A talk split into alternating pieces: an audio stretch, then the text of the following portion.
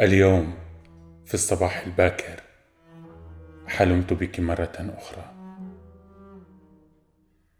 كنا نجلس بجوار بعضنا البعض وكنت تبعدينني في غير غضب بل كنت تبعدينني عنك بود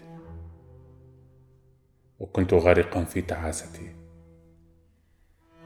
لا بسبب إبعادك لي بل كنت كنت احس التعاسه لأنني كنت أعاملك كايه امرأة صامتة أخرى. ولأنني كنت قد فشلت في أن أسمع ذلك الصوت الذي تناهى إلي صادرا عنك. ذلك الصوت الذي تحدث إلي ببلاغة. ولعل تعاستي لم يكن مرجعها فشلي في أن أسمع ذلك الصوت. بل عجزي عن إجابته. انصرفت مبتعدا ويأسي يفوق ما أحسسته من يأس في حلمي الأول. تذكرت في هذا الصدد شيئا كنت قد قرأته ذات مرة في مكان ما.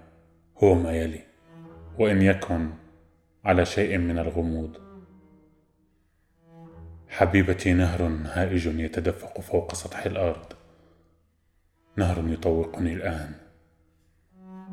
ومع ذلك فهو لا يصطحب هؤلاء الذين يطوقهم بل أولئك الذين يتطلعون. يوقع كافكا بكلمة لك ويعلق. الآن حتى اسمي فقدته. فقد أخذ ينكمش وينكمش طوال الوقت فأصبح الآن لك